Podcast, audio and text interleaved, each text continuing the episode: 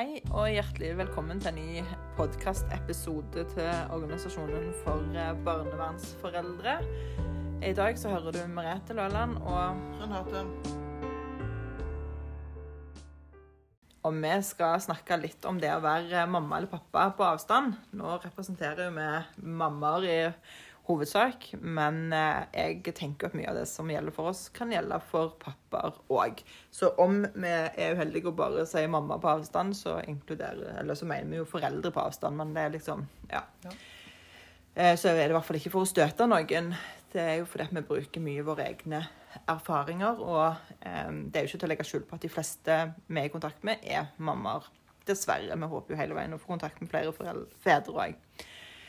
Men i hvert fall. Eh, vi skal snakke litt om våre egne erfaringer, og så skal vi eh, snakke litt om andres erfaringer som vi har vært i kontakt med opp gjennom åra, uten å navngi noen av de. Men vi skal i hvert fall si at her er det ulike måter å være eh, mamma eller pappa på, på avstand.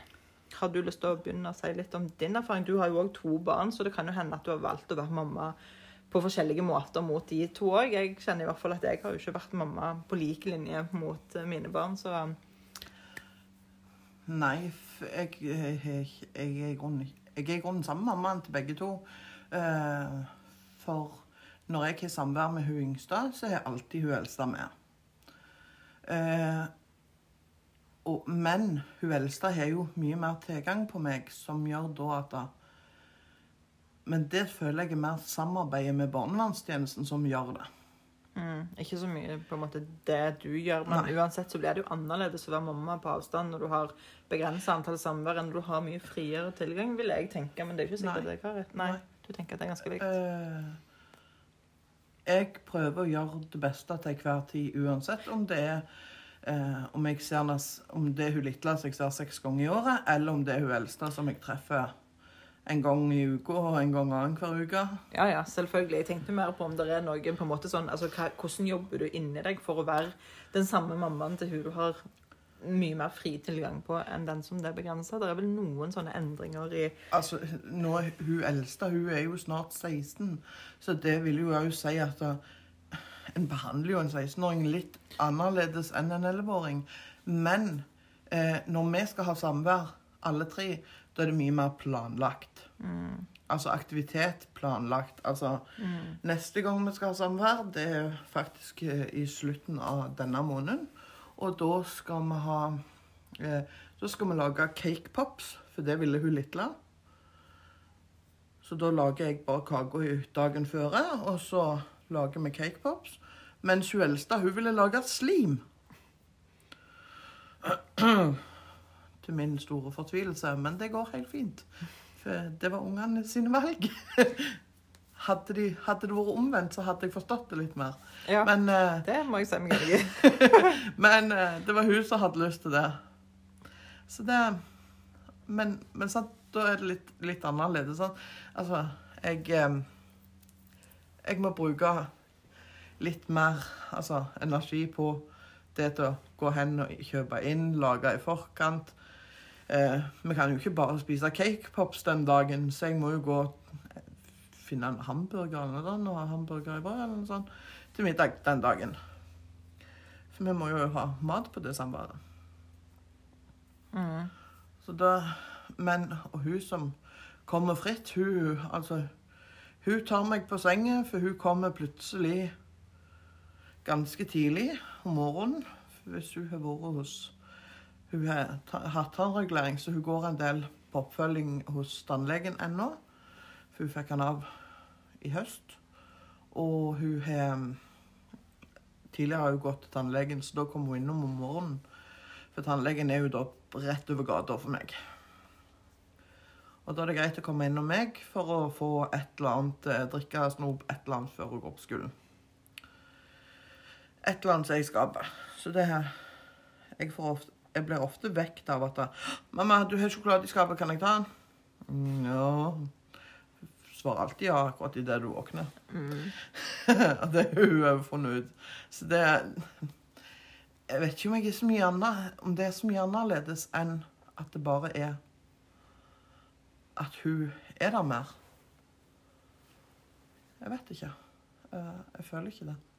Nei, jeg, Hvis jeg ser liksom tilbake igjen på den tiden eh, når jeg hadde samvær eh, i starten med de to eldste, og det som er på en måte tilfellet i dag, så opplever jeg Og det har ikke bare med at jeg har blitt eldre og litt modnere og lært andre ting og sånn, men, men jeg opplevde jo òg at i starten, når jeg hadde det var fire timer samvær. Det var én gang i måneden. Eh, og jeg husker i hvert fall sånn i starten så var jeg veldig sånn kaotiske i måten jeg skulle ha disse samværene på. Det var veldig mye. Det var liksom sånn badeland og, og, og eh, tivoli og karusell og, og veldig mye besøk. gjerne, sånn Alle skulle få en del av ungene. Og, og jeg tror det ble veldig sånn rollesette. Det, det ble ikke tid til liksom, de gode samtalene, de gode samværene som skulle bygge relasjon. Det, det ble for mye kav.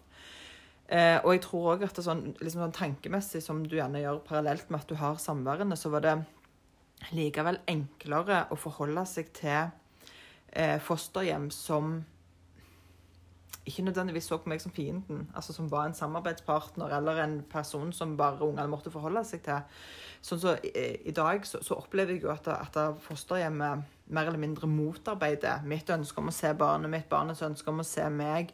Eh, der, er liksom, ligger helt andre føringer i dag enn den gangen, og jeg opplever jo at det gjør ganske mye med hvem jeg er som mor.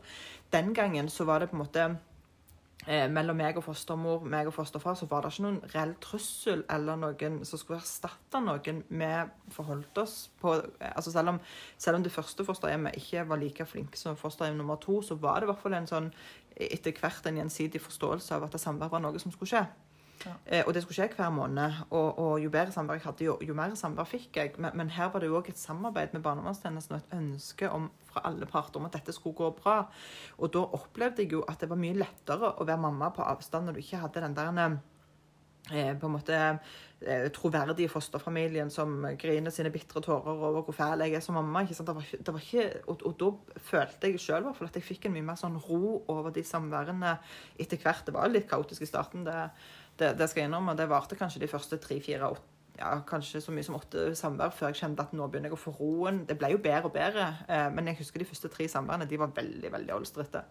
Og så ble de bedre og roligere, og vi gikk mer på strand og gikk tur i skogen. Vi gjorde mer ting som gjorde at vi kom nærmere hverandre. Det var ikke så mange andre forstørrende elementer som det vil være i, på badeland eller type parker, eh, Ja.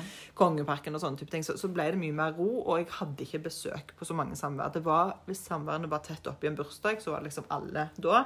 Istedenfor at det var mange på alle samværene, så ble det mange på noen få. Eh, men jeg, jeg, jeg, tenk- jeg syns i hvert fall at det er sånn tankemessig så, så var det en helt annen prosess. Og jeg var jo, altså ifra barnet ble plassert den gangen i 2010, så var jeg ifra egentlig eh, saken kom opp i nemnda, eh, så var jeg veldig tydelig på at de skal hjem igjen. Eh, Altså det, det var ikke jeg i tvil om. Jeg var ikke i tvil om at de kom til å klare det. Og jeg var ikke i tvil om at det var det som, som skulle til for at ungene skulle ha det best mulig. Jeg jobba ganske målretta i de to åra de var plasserte der, for at de skulle komme hjem. Um, og, og det skjedde jo. sånn at da, og, og, det er helt annerledes å forholde seg til et barn eller de to jentene eh, når jeg visste at de skulle hjem. Jeg visste jeg var i stand til det. Jeg hadde et godt samarbeid med barnevernstjenesten. Det var et godt utgangspunkt. Og jeg opplevde at da, eh, selv, om, selv om det var ganske vanskelig med fosterhjem 1, så opplevde jeg allikevel på sett og vis at vi dro i samme retning. Mm. Eh, så ble jo hun mellomste plassert i fosterhjem nummer to, eh, mens hun andre flytter hjem. Og allikevel så opplever jeg dette gode samarbeidet, der vi drar i samme retning. Eh, fosterforeldrene er ekstremt flinke til å fremsnakke, de er ekstremt flinke til å inkludere. Og det gjør jo òg min rolle som mor helt Altså, det, det, gir noen helt andre bekreftelser enn de utfordringene som jeg i dag opplever. Eh, For de er helt annerledes. Og jeg, eh, jeg hadde aldri med de andre to kommet på den tanken at jeg skulle gi opp kampen. Det, det fantes ikke i min tanke i det hele tatt. Det var liksom bli rusfri, bli ble gravid, tenkte at dette her er liksom eh, Dette er min måte. Jeg skal komme i mål med, med de eh, de målene jeg hadde. Jeg, jeg, skulle liksom, jeg skulle komme i mål med det. Eh, men barnevernstjenesten var jo også veldig samarbeidsvillig. så de ga meg smørbrødlista. Dette må du jobbe med. Og når jeg da hadde de helt konkrete tingene å jobbe med, så kunne jeg liksom begynne med ok, dette er liksom de fysiske tingene som er leilighet og liksom, som er helt konkrete. Og så var det de tingene som gikk mer på de sosiale tingene med nettverk og jobb og eh, økonomi og sånne ting. Og så var det liksom eh, Ja. Så, så, så det var lett å, å, sette i gang med det. Og det rydda jo ganske mye i hodet. ikke sant? Du, du, slipper å ha det der at du skal fikse alt, og du vet ikke helt hva du gjør galt. og, og sånn. Det, det, var veldig målretta. Og jeg opplevde hele veien barndomstjenesten var utrolig tydelig på dette fikser du ikke, dette fikser du. Og det rydda òg mye av den der prosessen som skjedde i forkant og etterkant av samværet. Eh, jeg visste at hvis jeg har et godt samvær, så får jeg gode tilbakemeldinger. Har jeg et dårlig samvær, så sier de òg det. Og det gjør de på en måte ikke i dag. Det er ingen åpenhet, ærlighet eller ryddighet i denne prosessen. Det fins ikke. Og jeg tenker jo at fra første eh, omsorgsovertakelse til den andre så går det nesten ti år. Mm. Og jeg bør jo ha lært noe på de ti åra, men det virker ikke. For det er en helt annen barnevernstjeneste. De er ikke interessert i å dele informasjon om hva som går bra. Egentlig så syns de at samværene går kjempebra, men helst så vil de at jeg skal minst mulig likevel, fordi at barnet har reaksjoner. Og da tenker jeg, hva, hva av det er mitt ansvar? Hva av det er barnevernstjenestens ansvar, og hva av det er fosterhjemmet sitt ansvar? Og det, jeg føler liksom, jeg får ikke noe svar på det. Så i dag så har jeg eh, mye tankekjør før samværet. Eh, fordi at jeg vet på en måte at prisen, eller konsekvensen av å ha et dårlig samvær, gjør at jeg ikke får. Mm. Um, den, gangen, altså, den, gangen, i 2010 så var det jo aldri snakk om å ha eh, tilsyn med samvær. Og jeg har ikke én gang fått en rapport om at jeg hadde dårlig samvær. Ikke med tanke på reaksjoner, ingen verdens ting. Alt var liksom på stell. Og at jeg da ti år seinere skulle bare ha dårlige samvær det, det, virker liksom rart. Hvorfor har jeg mista teken? Hva er det liksom som er annerledes i, i denne situasjonen? Eh, men så har jeg òg blitt Jeg har blitt ti år eldre. Eh, jeg har eh, gjort meg noen erfaringer. Jeg har kjempa i mange år. Eh, og denne gangen så har jeg jo òg andre elementer som jeg ikke hadde den gangen. Jeg har jo nå en eks som eh, heller ikke er enig med meg, som heller ikke er enig med barnevernstjenesten, så her er det liksom enda en brikke inni, inni spillet som gjør at da, eh, belastningen eller eh, liksom det du jobber mot, er, består av en større bestanddel. I tillegg til at jeg har den her aktive fosterfamilien som heller tilsynelatende, eller det virker ikke som, er, spiller på lag. Eh, sånn at jeg har jo nærma meg eh, et punkt der jeg tenker at uh, er det verdt det? Altså, hva, hvor mye skal jeg utsette meg og mitt barn for eh, i denne prosessen? Eh, når jeg ser at uansett hvor hardt jeg prøver, så hjelper det ikke. Eh, og vi har jo vært i kontakt med opp gjennom åra mange, både mammaer og pappaer, som opplever at uh, de blir hetsa i det øyeblikket de velger kanskje å gi opp kampen. Og det er ulike grunner til at en gir opp kampen. I mitt tilfelle, så Jeg har ikke bestemt meg ennå, men, men vurderer det. Noen gjør det pga. helsemessige årsaker. Altså, De har ikke helse til å få barna hjem. Så, ja, men det kan du bare se på meg. sant? Jeg har jo ikke helse til Jeg kunne jo ikke Jeg kunne jo ikke hatt en hund engang. og, da, og det er jo noe en må forholde seg til. Sånn, noen har ikke eh, no, Noen eh, tenker at de har mer enn nok med seg sjøl. Altså, mm. Får jeg barnet mitt hjem, så er det fare for rus eller psykiske lidelser. Ja. Noen er kanskje syke uten at de har lyst til å stå fram med det at jo, jeg har kreft, og derfor får jeg ikke barnet mitt tilbake, eller kan ikke ha barnet mitt tilbake. Eh, noen bare ser at barnet har det bra der det bor. Og jeg tenker i det øyeblikket du må forsvare det valget du har tatt, da er det noen som har trådt over ei grense. For en skal ikke være nødt til å forsvare hvorfor en lar barnet sitt vokse opp. Det betyr jo ikke at det er for alle, og at alle bør akseptere det. Men for noen så vil det være helt riktig. Og jeg tenker at da, uansett om du aksepterer det eller ikke, eller lar barnet bli i fosterhjemmet, så er en ikke en mindre god mamma eller pappa for det om. En er ikke en mindre stolt mamma eller pappa for det om en velger å la kampen ligge. Og det kan være ulike grunner til at en gjør det. Og det betyr ikke at vi kan se grunnene. Det er ikke sånn at jeg kan se på deg og si at du har ikke helsa til det, men du forteller det sjøl. Eh, andre vet på en måte at det får et barn hjem som har utfordringer, eller som ikke så vil jeg eh, streve psykisk. Jeg har ikke nettverk, jeg har ikke økonomi til det. Jeg har en jobbsituasjon som gjør at det er vanskelig. Så er det ikke bare å tenke at det er bare å begynne en ny jobb. Akkurat den jobben kan være helt viktig for at den personen i det hele tatt kommer seg ut av senga om morgenen. Så sånn, mm. det her er det mange ting som jeg ikke vet om. Og, og når jeg opplever at da, foreldre som eh, lar barna vokse opp der, blir hetsa utelukkende fordi de lar barna gjøre det, da har den, de personene som hetser, de har gått glipp av noe. Det er noe de ikke forstår. Og det, det tenker jeg at vi, vi, skal ta på alvor. Um, og, jo, men sånt der ute er foreldrene der du nesten ikke vet at de har unger engang. For de velger kun å gå på de samværene de har i året, to, fire, seks ganger i året. Mm, Da er de- Da er, de mamma, da er de mamma og pappa de timene. Og utover det så er de bare Ja, ja, vi har vært i kontakt med ganske mange foreldre oppe igjennom som, som har samboere som ikke vet at de har barn. Og det Mm. tenker jeg det må være krevende. Ja. Altså ikke eh, og, og, Ja. Um, og det er, men, men uansett så, skal vi respektere hvordan folk velger å leve med det. det. Det er ikke sånn at det er en rett eller en fasit. Her er det så mange ulike måter å gjøre det på. Vi skal ha respekt for alle de måtene å gjøre det på. Ehm, det er ikke sånn at det, eh, fordi at jeg fikk tilbakeføring sist gang, så gjorde jeg alt riktig den gangen. Jeg gjorde sikkert mange ting den gangen òg som var galt, og som jeg gjerne ikke skulle ha gjort. og sånn. Eh, men en må, ja, en må gjøre det som føles rett for, eh, for seg sjøl. Eh, så kan en jo si noe Altså, eh, en kan jo ja, det, det viktigste er egentlig at en lærer seg å leve med det sjøl. Og er på en måte Ja, hvorfor gjør en det? Én ting er jo hva grunn eller hva jeg sier til meg sjøl. En annen ting er jo hva jeg velger å dele. Ikke sant? Altså, det er jo ikke alle som har lyst til å dele helt hvorfor eh, barn deres ikke kan bo hjemme, eller hvorfor de ikke kjemper hardere. Det, det er ikke alle som har lyst til å, å kringkaste det eh, i noen som helst måte. Og jeg vet ikke heller om, hvis jeg lander hjem eller lander på det at jeg nå skal jeg la det ligge, at jeg sier til alle hvorfor jeg gjorde det.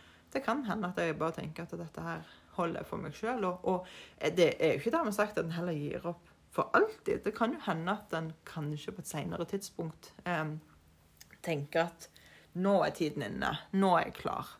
Eh, noen gir gjerne opp kampen litt i starten, og det husker jeg òg at da, når jeg eh, søkte tilbakeføring eh, for mitt, eh, min andre barn som bodde i fosterhjemmet fra 2010, så var det en av tingene som fylkesnemnda faktisk påpekte, det var at jeg hadde latt barna mine få roe seg ned i fosterhjemmet. At jeg ikke hadde drevet liksom og eh, hva skal jeg si, forstyrre den tilknytningen som de hadde til fosterhjemmet. Jeg aksepterte fosterhjemmet, og de aksepterte meg. Og det sto faktisk i vedtaket fra fylkesnemnda at på bakgrunn av at jeg hadde klart å la barna mine slå seg til ro, så viste det at jeg hadde på en måte deres interesse, eller barnets beste, da, i tankene eh, gjennom hele, hele prosessen. Eh, mens jeg i dag får høre at jeg helst ja, Hadde det vært opp til barnevernstjenesten, så hadde jeg sikkert hatt fire samvær i året, for de ønsker ikke å gi meg noe særlig samvær. Eh, så, sånn at det her er det jo ganske jeg, jeg, har altså, jeg som hadde særdeles god samværskompetanse i 2010 og 2011, har egentlig ikke samværskompetanse i det hele tatt nå. Så det er jo rart at den skal blitt så mye verre på ti år. Eh, og så har heller ikke barnevernstjenesten på en måte gitt meg noe eh, ja, instruksjoner eller ideer om hvordan jeg skal eh, sørge for at samværene blir så bra som mulig. Og det, det er jo òg noe som øker frustrasjonen i forhold til det. sant? Altså, Nå har ikke jeg hatt samvær eh, med tilsyn de siste gangene, og sist uke så frasto jeg fra samvær fordi at da eh, nå har det vært mye saker, eller skulle ha vært flere saker, men de har blitt avlyst pga. at jeg har eh, vært sykemeldt. Eh, og, og det er jo klart at når, når totalbelastningen på barnet blir stor, så, så valgte jeg å avstå fra samvær. Det er jo ikke noe en gjør med lett hjerte, og jeg kunne jo stått på mitt og sagt jeg har krav på det, sånn, men en må liksom ta hele veien løpende vurderinger om, om barnets situasjon og, og sin egen situasjon. Eh, jeg er jo sykemeldt for en grunn, og da er det jo belastningen på meg og barnet ville blitt for stor hvis en skulle ja, kjørt på med, med samvær. Um, og det er jo krevende for oss voksne å gå gjennom disse stadige Mm. rettssakene. Og eh, da kan en jo bare tenke seg hvordan det er for et lite barn å måtte stå i alle disse konfliktene der de skal uttale seg i, eh, i den ene. Og i og med at jeg har saker som på en måte går litt sånn parallelt, så, så blir det først en forklaring til fylkesnemnda, så en til tingretten, og så en til tingretten, og så en til lagmannsretten. Altså, det blir liksom hele veien nye folk som skal eh, drive og forklare seg. Og i og med at det ja, et omfattende sakskompleks. Det, så det er vurderinger en er nødt for å gjøre. og det, Noen krever jo eh, nesten sånn automatisk samvær og tilbakeføring samtidig, mens noen går bare på samvær, for de er veldig bevisste på at de, de har ikke behov for, eh, for noe tilbakeføringssak. Så det Jeg tenker at vi må respektere de valgene som vi tar, uten å legge så mye opp i hvorfor de gjør det. At det, er, det kan være svært private årsaker eh, til at folk velger å kjempe på den ene eller den andre måten. Men jeg tenker at det viktigste altså,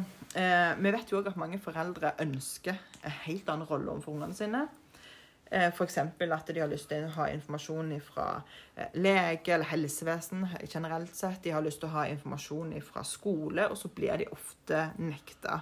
Men jeg har fått noen tips fra noen som eh, har skrevet en del klager til statsforvalteren. For det er stor forskjell på hvilke avdeling hos statsforvalteren du henvender deg til. Hvis du henvender deg til barnevernsavdelingen, så har jeg inntrykk av at en ofte får avslag, eller at det liksom ikke kommer fram med klagen. Men så har jeg forstått at dersom du klager til den avdelingen hos statsforvalteren som eh, administrerer skole, så er det en helt annen prosess. For der er det mye mer sånn firkanta lovverk, og det er mye lettere å utøve eh, Det er ikke så mye skjønnsmessige vurderinger. Det, har du foreldreansvar, så har du rettferdig med det. Mens innenfor barnevernet så er det mye mer sånn at ja, men hvis det ikke er til barnets beste, så er det ikke greit. Så det er foreldre som er på avstand og har lyst til å ha en større rolle i barnets liv, og det har ikke noe å si om du har ett samvær i året eller tolv eller 20 eller hva du har det å få informasjon fra skolen om eh, ikke bare karakterer, men, men, hva er det de går gjennom på skolen? Hvordan trives barnet ditt? Hvilke favorittfag? Det kan du faktisk be om informasjon. Og i det øyeblikket du har informasjon om barnets skolehverdag, så er det gjerne også lettere å ha en samtale med barnet, enten det er på telefon eller det er på videokonferanse, eller hvordan det er.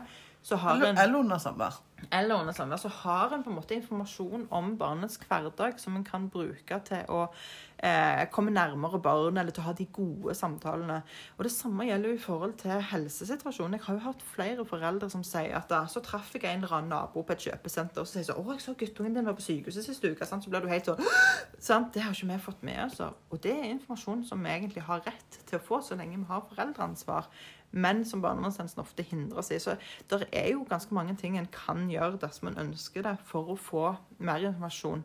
Og så er det jo kjempeviktig at den informasjonen vi får, vi ikke misbruker den på noe vis. ikke sant? Altså, det er stor forskjell på om du innhenter den informasjonen for å bruke den i samtale med barnet, enn hvis du på en måte bruker det mot barnevernstjenesten, eller på en måte skal ja, se, eh, gå i konflikt med barnevernstjenesten på bakgrunn av den informasjonen du har fått. Så og så går det an å ha dialog med hvis barnet går på fritidsaktivitet, eller hva det skulle være, og ha en dialog òg med, med, treneren. bare for, Ikke sånn for å grave og spørre, liksom, men, men for å, å, spørre om ting som er helt naturlig at foreldre vet noe om. Eh, så, så, det går jo an å prøve å opprette dialog med, med ulike som står rundt barnet, sånn at en òg må ta litt press fra barnet. At ikke det er barnet alene som skal være ansvarlig for at all informasjonen går til foreldrene, men at du faktisk har andre informasjonskilder òg. Ja. Um, ja, jeg tenker at det kan være eh, gode måter å, å ha kontakt med. Og så vet en jo òg det at eh, barn ofte altså Hvis en sitter sånn eh, over bordet til hverandre og stiller 110 spørsmål, så vil gjerne barn oppleve det som ganske sånn belastende. Men hvis du driver og gjerne spiller eller leker eller gjør andre ting som er naturlig, og så spør du litt mens du leker, mens du kler på Barbie-dokka eller finner fram spillet, så, så, kan en gjøre det på ganske mange sånn naturlige måter. Eh, og det var kanskje en av de tingene jeg syntes var så fine når vi tok med oss eh, ut på stranda og grilla. Så hadde vi liksom med noen sånne spill som var mer sitte i ro-ting. Sånn gjerne noen steiner eller greier, og holdt på med tripp-trapp tresko, og så hadde vi med oss gjerne noen baller. og sånn Du gjorde mange forskjellige ting og kan da snakke mens du sitter og rører litt på disse pølsene og flytter på disse disse steinene, så, så kommer du liksom inn på denne gode samtalen. Ja. Istedenfor at du bare skal sitte rett opp og nær på sida av hverandre og bare stille eh, masse, masse spørsmål som og Når du da har denne bakgrunnsinformasjonen, så, så kan du òg spørre mer sånn treffsikre ting, tenker jeg, istedenfor å spørre de der 110 spørsmålene. Uh, nå vet jeg at dere holder på Og jeg tror at barn òg hadde opplevd det som en slags sånn interesse. At, uh, nå vet jeg at dere holder på med et sånn kjempespennende prosjekt i naturfag. Ja. Hva, hva om dette? Og det er jo noe i forhold til hun, hun i forhold til hun eldste, som er 16 og forteller absolutt, eller snart 16 og forteller absolutt alt. Ja. Altså, det er ingen filter. Um, der hun forteller alt. Mens hun på 11 hun kommer, forteller veldig lite. Um, kan fortelle om en ferie eller noe sånt. Mm. Og der, sånn Sist gang, hadde sist gang jeg hadde samvær med dem, da var hun, hun yngste på 11 hun hadde nettopp begynt med leksehjelp.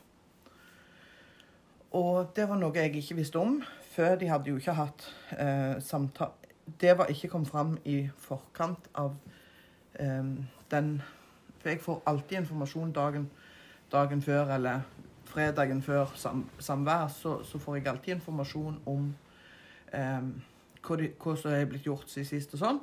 Men det ble ikke gjort med forrige samvær, og dermed falt det vekk. Og dermed visste ikke jeg det. Og da ble det litt sånn at da Ja, for jeg tror barn kan reagere Ja. på det. Og det gjorde hun. Og den reaksjonen som jeg fikk den eller forrige gang, har jeg aldri fått før på ting jeg ikke har spurt om. For da har vi gjort det sånn i naturlig lek, som du sier. Ja. Um, for da blir det sånn at da Hæ? Leksehjelp? Oi, så gøy. Så må du plutselig lage deg et lite skuespill der du plutselig sitter og får en aha-opplevelse. Altså, Ja. ehm, ja, for jeg òg opplevde jo eh, Det skjedde en episode på skolen med, med barnet mitt, og så opplever jeg at det, i nær tilknytning til det, så ringer hun fem ganger på uke. og Hun pleier ikke å gjøre det. Hun pleier å ringe kanskje annenhver uke. Så ringer hun plutselig fem ganger, og jeg er jo da helt uvitende om denne episoden. Mm. Og jeg tenker at en av grunnene til at hun ringer, det er at hun har lyst til å snakke om det. Men jeg vet jo ikke om det, så jeg stiller jo ikke de riktige spørsmålene. Og jeg tenker jo at etterpå så må hun ha opplevd det som ganske sånn Mamma er jo helt hun er jo avskrudd, liksom. Hun, hun følger ikke med. Eh, og, og når jeg da belyser dette til barnevernstjenesten, så er de sånn Å nei, det tror de ikke. Det har du tatt med ro. ja. Men liksom akkurat den gangen når det skjer noe som er ganske alvorlig eh, hjemme, så, så får ikke jeg den informasjonen. Og heller kanskje snakke om det. Så, sånn at jeg, jeg tenker jo at det siden det ikke har skjedd før og ikke skjedd etterpå, men skjedde akkurat da, så hang det sammen. Men, men barnevernstjenesten avviser det. Og det, ja, jeg tenker jo at det hadde vært mye ryddigere hvis jeg hadde fått den informasjonen, sånn at jeg kunne Ja. eh, spurt i hvert fall, og vist interesse. Og hvis jeg hadde merket at hun ikke hadde lyst til å snakke om det, ja, OK, da var det greit. Ja. Men, men når hun da ringer flere ganger, og det er ikke sånn at hun har masse å snakke om, det er akkurat som hun fisker etter noe, og jeg forstår ikke hva det er. Så jeg òg blir usikker, ikke sant. Så, så det, og det kan ikke være en god opplevelse for henne. Hun ringer liksom fem ganger på uke Um, og, jeg, ja, og jeg er helt sikker på at det er dette hun vil snakke om. Ja. Så, så jeg tenker at det å få informasjon, det, det gjør oss jo tryggere i rollen vår. ikke sant? Altså, den der redselen for å bli erstatta, jeg tror at den blir mindre når vi er godt orienterte. Ja. Eh, ikke sant? Men- når, når vi er påskrudd det som skjer i barnet sitt liv. Jo lenger den avstanden blir, jo verre blir det. Mm. Jeg opplevde jo også å få være med på alle ansvarsgruppemøter. Det gjorde jo at jeg var ekstremt sånn up to date i forhold til hva som skjedde i livet til ungene. Når det var en henvisning eller det var noe som hadde skjedd, så var jeg liksom der. Og alle, alle de som var til stede der, eh, så på meg også som en samarbeidspartner. Kunne ringe til meg når det skjedde en ting på skolen. Hva tenker du at Jeg ble liksom tatt med på, på laget. Og da følte jeg jo heller ikke at denne trusselen i forhold til å bli erstatta var reelle. Nei. I dag er du sånn Hold deg vekke, dette fikser vi. Fosterfamilien fikser det. Sånn at den der redselen for å bli eh, erstatta satt på sidelinja, den er jo helt reell. Ja, ja men Og, og da tror jeg at det gjør noe med meg òg. ja. Uh, ja, for det ser jeg sjøl, holdt jeg på å si, i kampens hete når Altså, en ting er det når når jeg blir fratatt uh, omsorgen, og hvor sint jeg var da, men uh, kampen jeg hadde fram til jeg fant ut at jeg var så sjuk at jeg må, det her må jeg bare gi opp. Mm. um, kampen fram til da da, altså, da sto jo jeg på mitt at da, først skulle jeg ha ungene, begge ungene til meg. Så fant jeg ut at jeg skulle la hun eldste bli, og kjempe for hun yngste for at hun skulle Mm. eh, Og så eh, Når jeg da fant ut at nei, så fant jeg ut nei vel, det får bare være Altså Ja, så du har ikke på en måte hatt den samme målsettingen eller det samme ønsket hele veien? Du har Nei, nei, nei. Ja, mm. Det har jo blitt endra ifra 'jeg skal ha henne hjem til meg', til 'jeg skal iallfall ha henne hjem til familien', til 'nei, hun skal være der hun er'. Ja. ja, men jeg tenker at det er jo sunne prosesser òg. Altså det å, å erkjenne at barnet har det bra i fosterhjemmet, betyr jo ikke nødvendigvis at en tenker at hos meg vil du ikke få det bra. Nei. Men, men det er at eh, nå, har det, nå har hun det bra. Hvis Ja. hun kommer hjem til meg, så vet en jo ikke. Altså, sånn, men, men samtidig så tenker jeg sånn OK, la oss si at jeg nå bestemte meg for at hun minste skulle få lov å bli verre. Eller eh, ta et annet eksempel, da. Eh, når mine eh, to eldste bor i fosterhjem, så eh, eh, blir det jo bestemt at hun ene skal flytte hjem, og andre skal i et annet fosterhjem. Eh, når de da eh, etter hvert sier opp den fosterhjemsavtalen, så tenker jeg at da er det to alternativer. Alternativ én prøv mamma. Alternativ to er jo prøv et nytt fosterhjem igjen. Hvis de òg går på en smell, da, hvordan oppleves det for barnet å gå på enda en smell? Ja.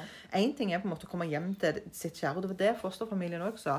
Hvorfor ikke prøve mor, nå? Det er tross alt mindre risiko forbundet med å komme hjem til sine kjære, og det funker ikke igjen, enn et nytt fosterhjem som gjerne heller ikke vil ha henne. Ikke? Altså, eller ikke vil klare oppgaven, alt etter hvordan det Og, og det tenker jeg sånn i forhold til hun som bor her nå òg. Eller egentlig generelt for de fleste, hvis barn som bor i fosterhjem, får en god og trygg relasjon til foreldrene sine i de tilfellene der det er mulig, dersom det skulle skje noe med fosterhjemmet, og disse utilsikta flyttingene skulle bli et eh, alternativ, hvorfor ikke da heller prøve Ja. med tunge tiltak hjem til foreldrene istedenfor at de skal flytte? Husker du? Gang gang, jeg vet ikke om det du eh, Nei, det var lenge før du begynte i den erfaringsgruppa. Der var det en eh, ungdom som fortalte at hun var 21 år og hadde flytta 17 ganger. Og når det ikke liksom på gang nummer åtte eller ni engang begynner å vurdere at her er det kanskje noen foreldre Nå er det ikke sikkert hennes foreldre var akkurat Det vet jeg, jeg, kjenner, det vet jeg ingenting om, for jeg vet ikke hvorfor jeg bodde i fosterhjem. Men, men jeg tenker at hvis, hvis barnevernstjenesten hadde fra dag én jobba hardt for å sette familien i stand, i tilfelle La oss ta et helt konkret eksempel som kommer til å skje. Nå kommer det masse flyktninger til Norge fra Ukraina. Mest sannsynlig så er noen av de foreldreløse. Ja. De trenger kanskje et fosterhjem. Ja, hva skal vi gjøre da med de barna som er Altså, hadde den- hele veien Det står jo 200 i kø allerede. jo, jo, men altså, ha- eh, minst. Og, og hadde det vært sånn at en hadde tenkt at mange av disse skal hjem i løpet av et år, to, tre Hvis det var det som var planen, og de jobbet målretta mot det, så vil det jo bety at de som blir utsatt for vold og overgrep hjemme, de får et godt fosterhjem. Ja. Hvis vi trenger 1000 nye fosterhjem i året, det sier seg selv at kvaliteten synker. Ja. Og, og til slutt så er ikke på en måte eh, eh, godt altså Da er ikke fosterforeldrene lenger bedre enn foreldrene.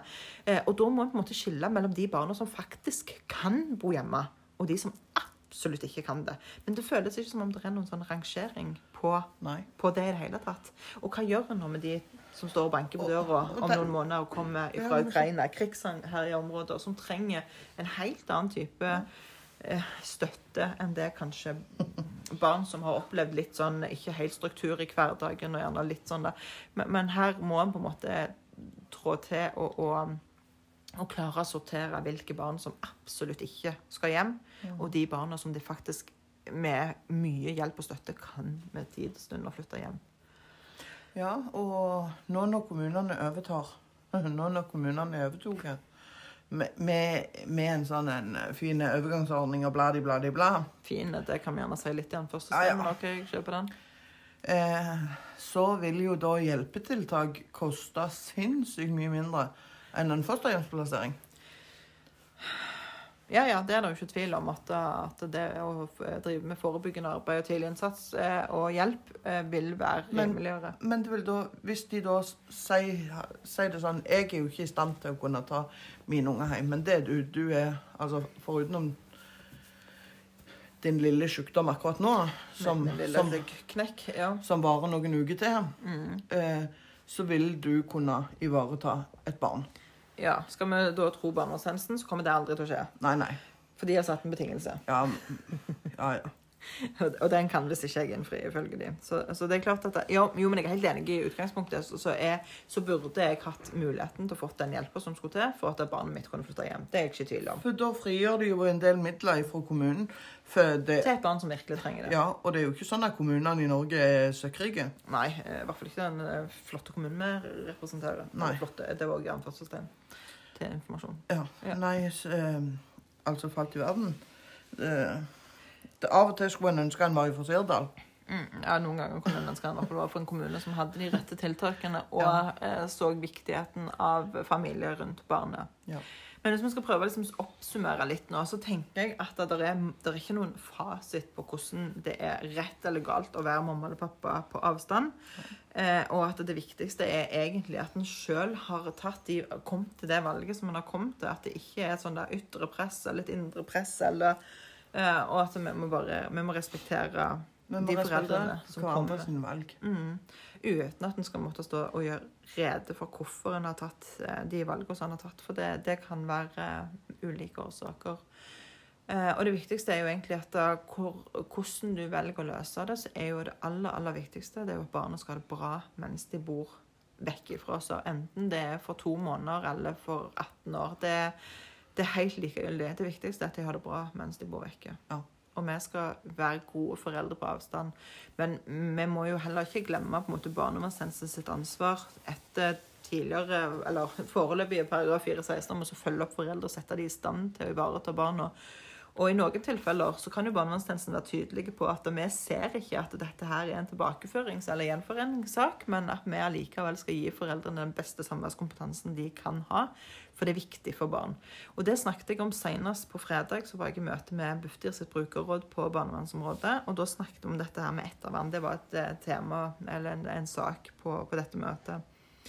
Og da snakket vi om nettopp dette her at eh, jo lenger på avstand foreldrene har vært mens barna bodde under offentlig omsorg, jo vanskeligere er det for de å være gode støttespillere når barna kommer hjem. La oss si at barn havner i fosterhjem når de er seks år, så kommer de hjem 19 år gamle. Sant? Mm. Ut av ettervern er lei av det. Og så kommer de hjem til noen foreldre som ikke har forutsetninger for å ivareta barn. Og Derfor så tenker vi òg at da, måten barnevernstjenesten legger til rette for at det, vi kan være foreldre på avstand, er ekstremt viktig. Ikke bare fordi den perioden som barnet bor under offentlig omsorg, men den tiden som kommer etterpå. I de tilfellene der barnevernstjenesten skikkelig har bomma med valg av fosterhjem, de har valgt et fosterhjem som tenker at når barn er 18, så er vi fullstendig blanke. Og det er der. Det, det, finnes, selv om dere gjerne stikker hodet i sanden og tenker at det ikke skjer. Så skjer det. Da finnes de som har pakket kofferten idet ungen omtrent kommer hjem fra skolen på 18-årsdagen sin og lurer på hvor de skal ta veien. Mm. Det har skjedd. Um, så, sånn at det, Eh, og, og, Da må dere demme opp for de fosterhjemmene som er sånn. Og det er ikke sikkert dere vet det mens barnet bor der. Det kan være det kommer ganske brått på at de plutselig har ja. den endringen eller den holdningen. Eller, ja. Ja. Eh, og da tenker jeg at den, den måten dere har pleia eh, foreldrene på avstand, eller måten foreldre på avstand får lov å delta i livet, det vil være utrolig utslagsgivende på hvordan disse unge voksne blir mm. i voksenlivet. Hva støtte har de, hva hjelp har de, og hvordan skal de klare seg. Og Hvis de da står uten foreldre eller fosterforeldre, så har de ingenting.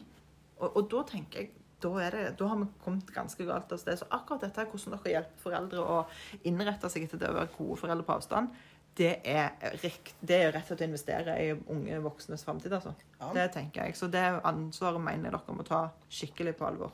Det må barnevernstjenesten ta på alvor. Ja, for dette, det er jo ikke noe bare vi barnevernsforeldre sier. Det er jo noe som barnevernsbarn òg sier. at da, når, de vokser, når de kommer ut av etterlandet, så er det mange av de som vender hjem. I mangel på andre bedre tiltak. Og da må ikke dere tenke at dere skal sette i gang andre tiltak. Dere må rett og slett stimulere disse familiene til å ta godt vare på barna når de kommer hjem. Ja.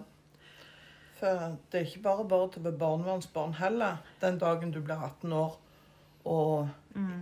velger kanskje å ikke ha ettervern og bare flytte rett hjem til mamma, for det er det du har villet i mange år. Ja, Eller fordi du har ikke andre alternativer. Du har ikke råd til egen leilighet, så du må gjerne det. Og du føler deg ikke hjemme hos fosterforeldrene, og barnevernstjenesten krangler om eller fosterforeldrene og barnevernstjenesten krangler om hvem som skal betale for hva. Og der står det barnet midt imellom. Og så er det jo vanskelig for oss foreldre å plutselig få den vi, vi, får ikke noe dekning for å ha det hjemme, men, men, vi må gjøre det, for dette er vårt kjøtt og blod. Sånn at, at ja, Og jeg tenker at det, hvis disse unge voksne skal få et godt liv i, i voksenlivet, så, så, må, så, må, vi inkluderes. Eh, om, om, vi kanskje må holde oss litt på avstand i starten, så, så, kan det godt være at det er gode grunner for det, men etter hvert så er det kjempeviktig at vi kobles på. Ja. ja. Jeg tenker det var da setter vi en, fi, en, en fin preken til barnevernstjenesten òg. Ja. At de må holde De må faktisk gjøre jobben sin, de òg.